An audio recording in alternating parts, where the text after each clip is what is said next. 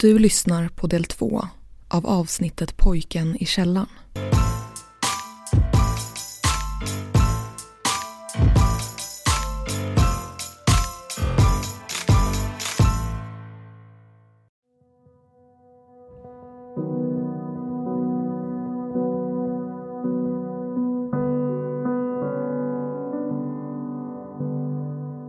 Jag kunde inte tänka på något annat än att jag, jag ska hämnas.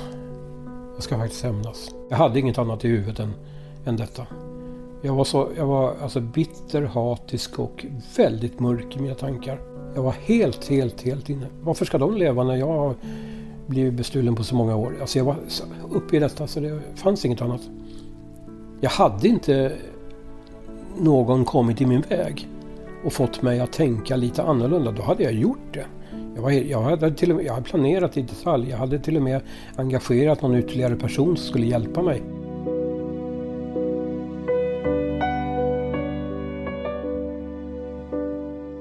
Ronald blir berövad på sin barndom av sina egna föräldrar.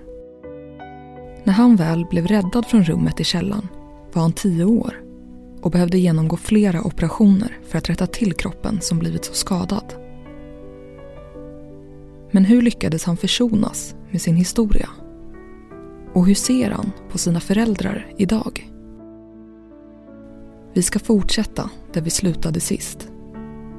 När han har legat på sjukhus i två och ett halvt år sitter han i rullstol och flyttas då till ett barnhem i Växjö.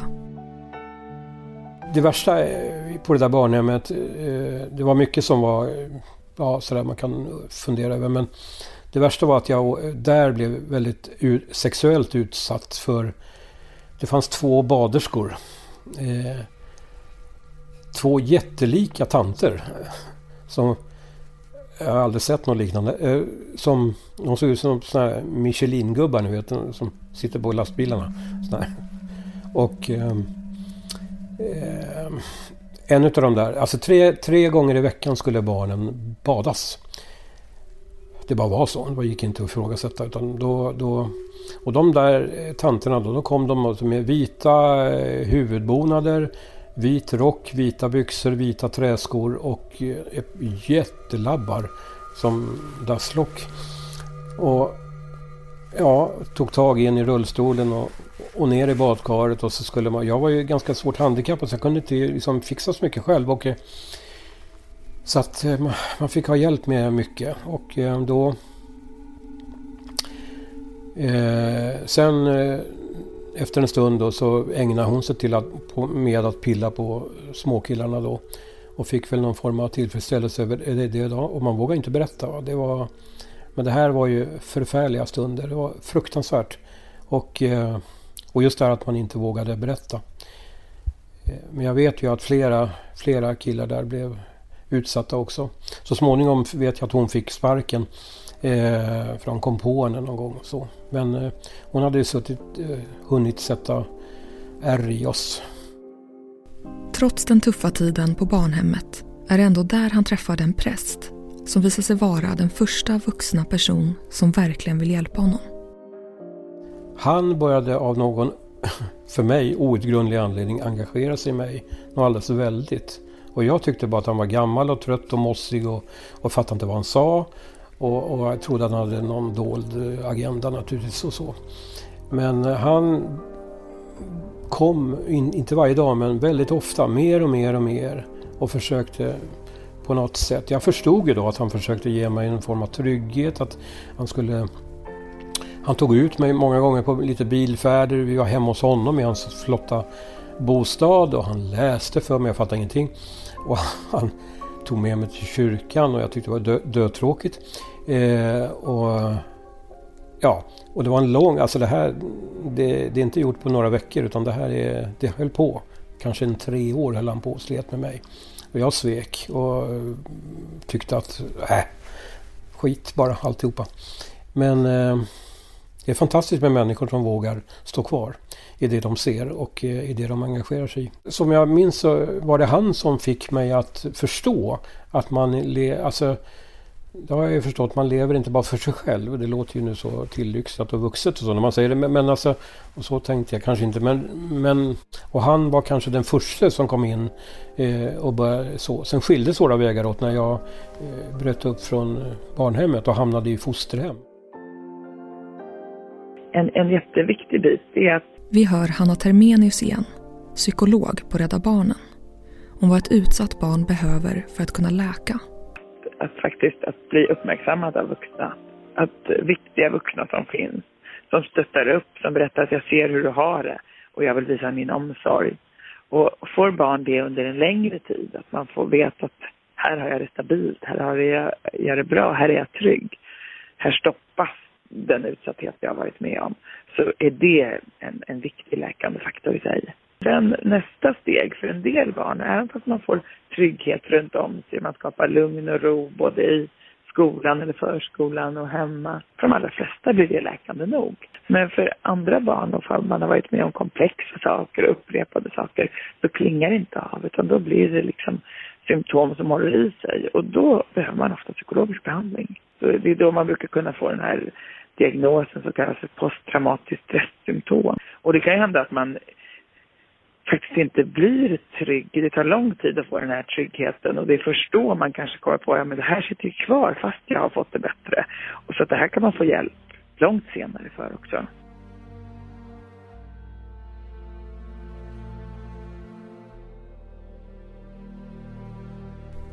Ronald hamnar i fosterhem i Farsta utanför Stockholm. Där går han klart skolan och får som 18-åring jobb som laboratorietekniker vid sidan om arbetet läser han till konfirmationen i Farsta församling. De satsade mycket på mig där i Farsta. Som, när jag hade konfirmerat mig så tyckte de att jag var ett synnerligen ämne för att bli ungdomsledare. Alltså på frivillig basis då. Så det blev jag. Jag, jag blev så småningom kyrkans ungdom som det hette, kyrkans ungdomsledare. Och så spred sig ryktet lite grann så jag hamnade i i Stockholms stift som det heter och jobbade ihop med biskopen eh, som, som ungdomsrådgivare och jag, de satsade på mycket kurser på mig och sådär. Jag var på alla möjliga kurser. Mycket på läger och sådär. Och jag var väldigt ganska blyg och tafatt och så men när jag sa någonting så tyckte de att det var tänkvärt. så att det, det, var liksom Ja hur har du kommit på det här? Det vet jag inte men, men ja Nej men på något sätt så livets resa fanns väl där i bakgrunden. Och jag, det fanns väl en viss tyngd i, i det jag försökte säga ibland och sådär. Han fortsätter utbildas inom kyrkan och under 80-talet läser han till diakon i Uppsala.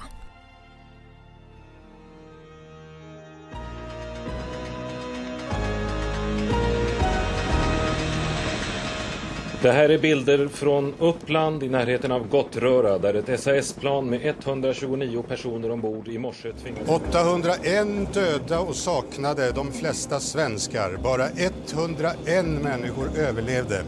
Ja, det är den fruktansvärda facit ikväll av färjekatastrofen i Östersjön. Den ofattbara olyckan har sänt chockvågor... Under 90-talet sker några av de största olyckorna i svensk modern historia. Ronald hjälper till med krishanteringen. Och, så jag har suttit i tre olika kommuners krisledning. Vilket innebär att uh, varit med och utbildat folk, varit med och tränat folk, varit med och uh, hanterat uh, förfärliga saker när det inträffar. Bland annat de här stora, dels de stora grejerna som är kända för alla med Estonia och Gottröra-olyckan och uh, Mattias Flink i Falun när han sköt flickorna där. Och jag känner mig, jag faktiskt var både stolt och, och glad över att vi har kunnat bidra på det sättet som vi har gjort. Nu har det gått över 50 år sedan han som tioåring hämtades ur rummet i källaren. Men fortfarande sitter många skador kvar. När jag drömmer så är det tyvärr ofta mardrömmar. Och ofta är det ungefär samma drömmar. Väldigt mycket handlar om drunkningsfenomen.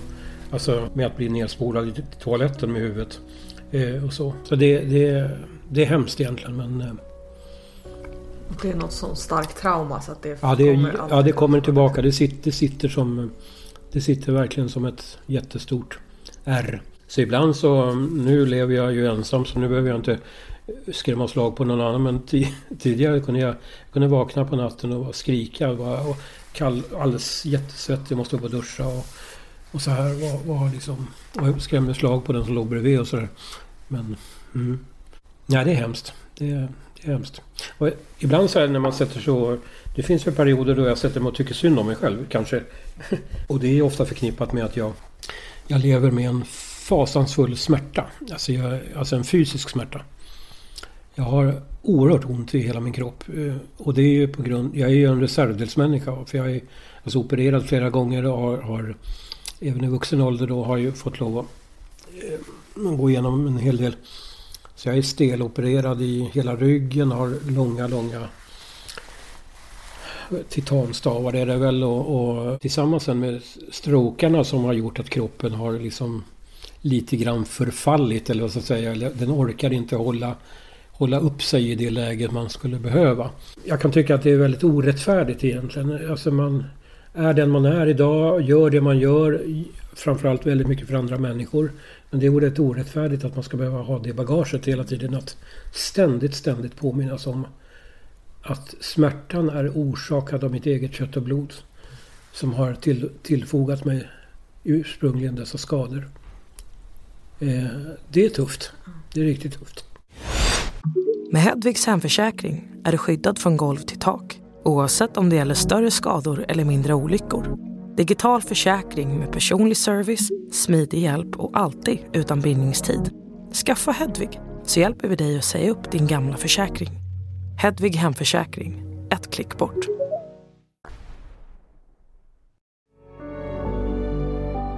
Alltså hur ser du på din mamma då kanske framförallt idag?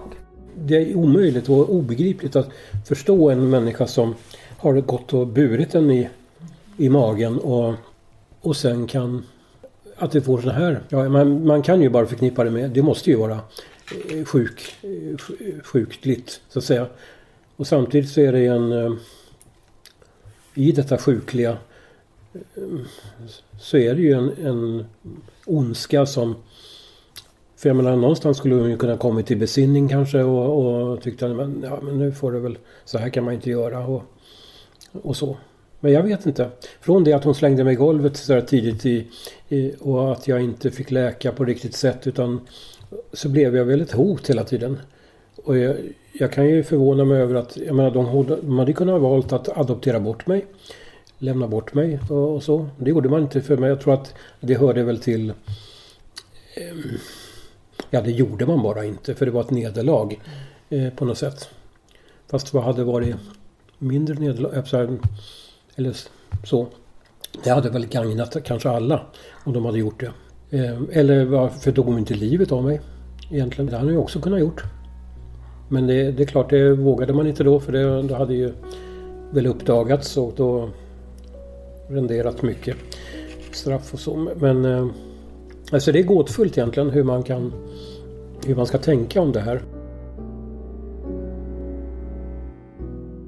Den polisutredning mot föräldrarna som inleddes lades ner, men man vet inte varför.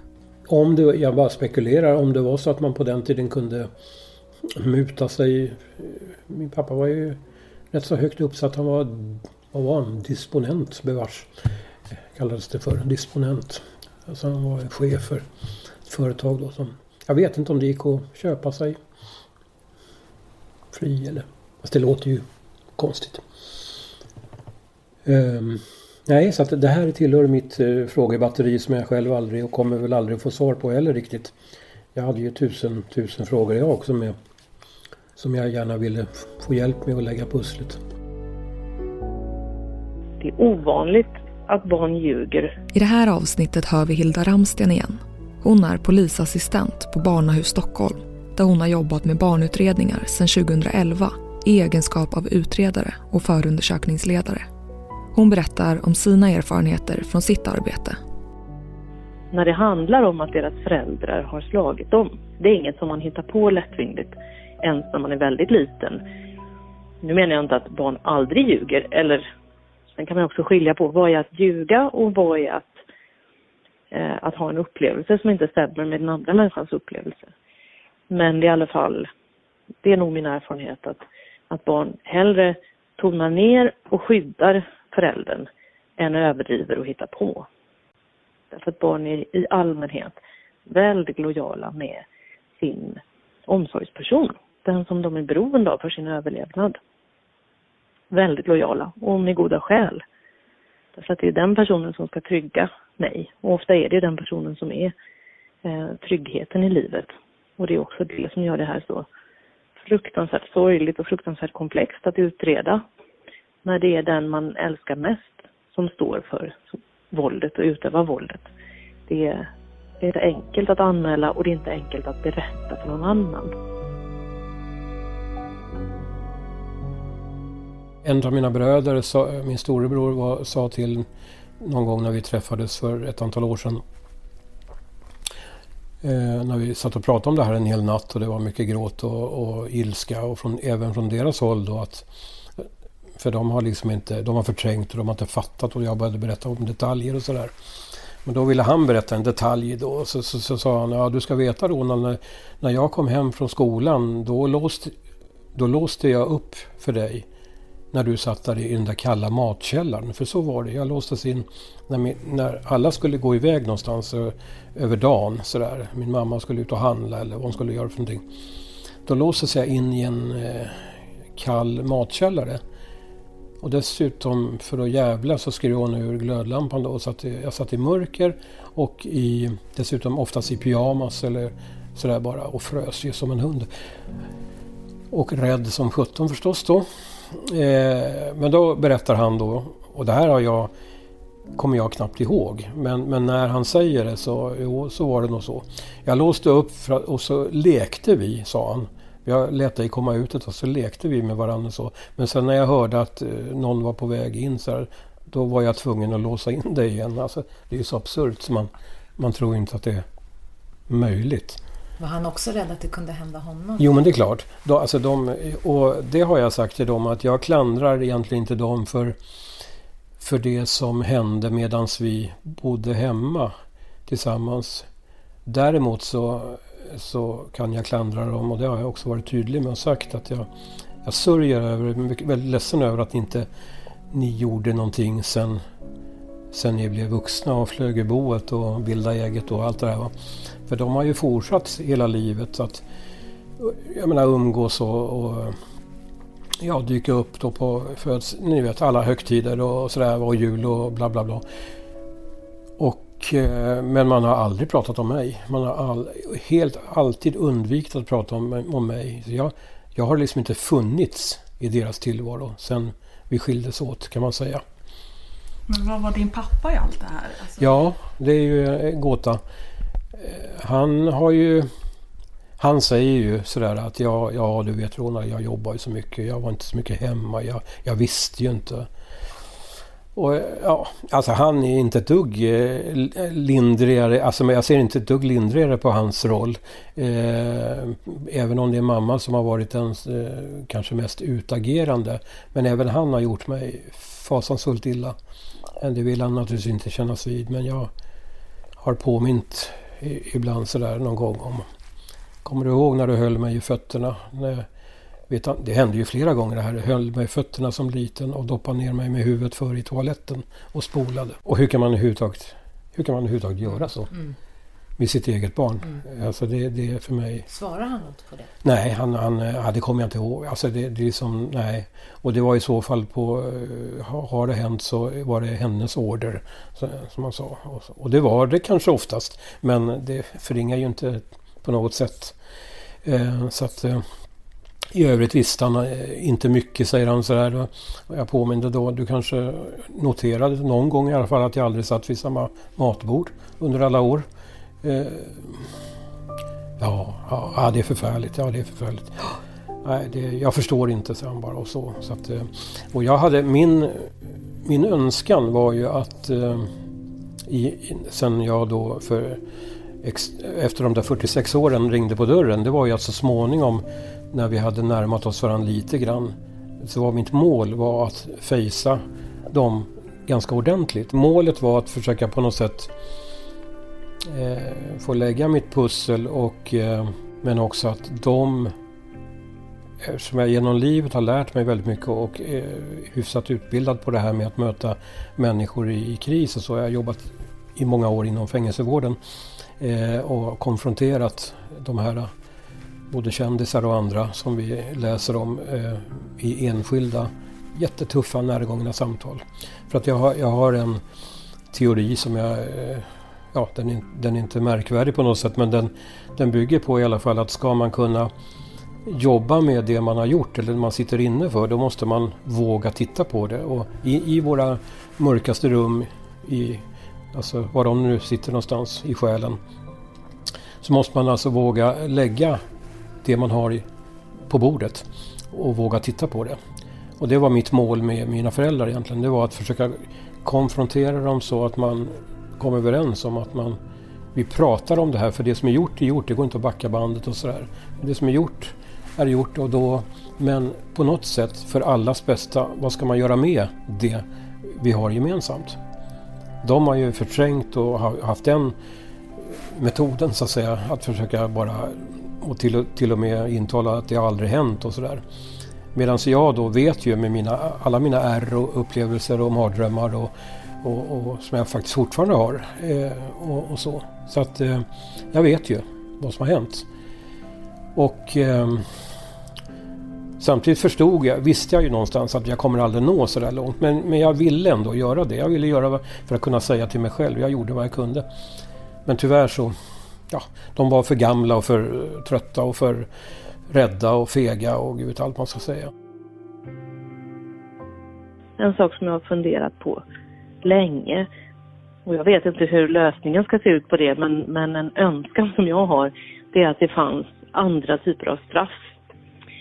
Eh, och då menar jag liksom, jag önskar att det vore möjligt att, att döma folk till att ta hjälp istället för att hamna i fängelse.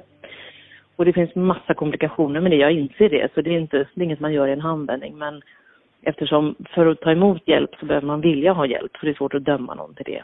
Men det jag är ute efter, eller det jag tänker på är att eh, de vuxna som blir misstänkta, de har ju väldigt starka incitament att, att ljuga om det är så att det har hänt. Om man har slagit sitt barn så finns det ju väldigt starka skäl att inte säga det. Eh, ja, många olika skäl. Men, och det är dessutom så att de barn som, som har blivit utsatta, de kan välja att inte berätta därför att de förstår att om jag säger det här, då hamnar min mamma eller min pappa i fängelse. Och det vill de inte. Därför att det, det är ju, det kan man väl säga generellt verkligen, att barn vill sällan att föräldern ska få ett straff, ett fängelsestraff eller ett ekonomiskt straff, utan det de vill är att våldet ska upphöra. Det är vad de önskar sig. Så det har jag tänkt på många gånger att jag önskar att det fanns ett sånt, eh, en sån lösning istället. Att vi kunde få våldet att upphöra istället för att eh, döma till fängelse eller böter. Men jag vet inte hur det skulle gå till. Vad finns det då för råd att ge till den som misstänker att ett barn i ens närhet är utsatt för våld eller annan typ av övergrepp? Hanna Termenius igen. Först tycker jag att man ska prata med barnet. Att faktiskt eh, se till att eh, skapa möjligheter för att prata eller för att berätta för barnet att det finns möjlighet att prata. Antingen med att man kan prata med, man ser, jag ser att det verkar vara något som är jobbigt för dig eller något du har jobbat med. Och att kunna liksom skapa ett utrymme så att man får veta lite mera.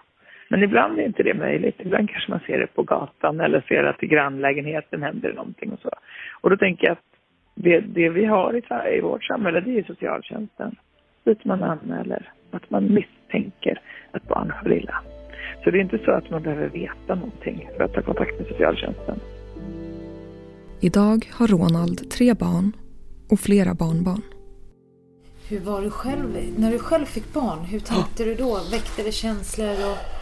Ja, eh, nej men det var ju fantastiskt. Det var ju, tänk att jag, liksom så här, och att eh, Nej men det var ju det finaste som har alltså, hänt och ja.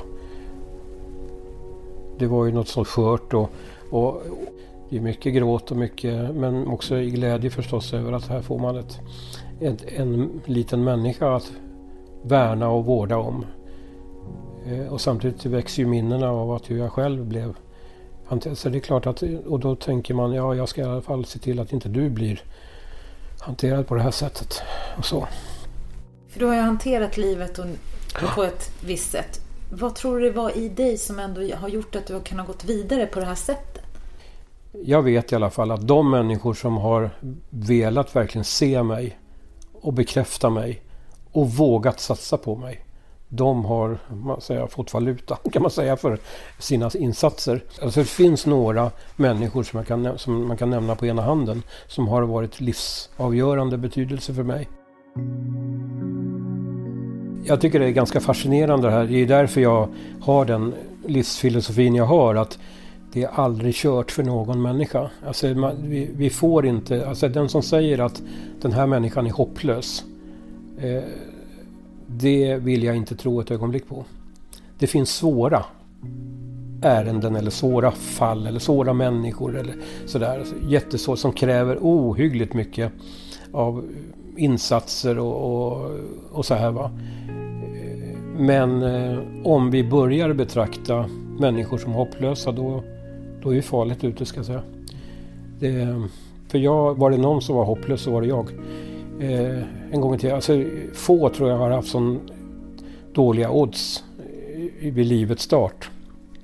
Och haft så mycket att kämpa med på många plan. Med både, både liksom ja, verbalt, psykiskt, fysiskt eh, eh, och så vidare. Att försöka liksom erövra sitt människovärde eh, och så. Det, det vet jag någonting om.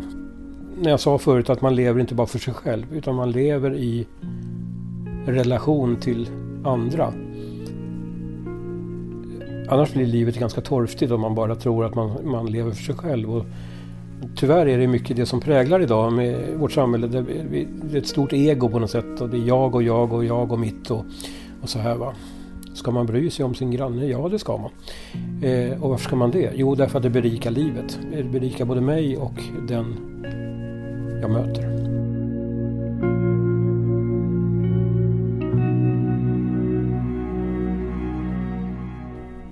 Du har lyssnat på den andra delen av Pojken i källan.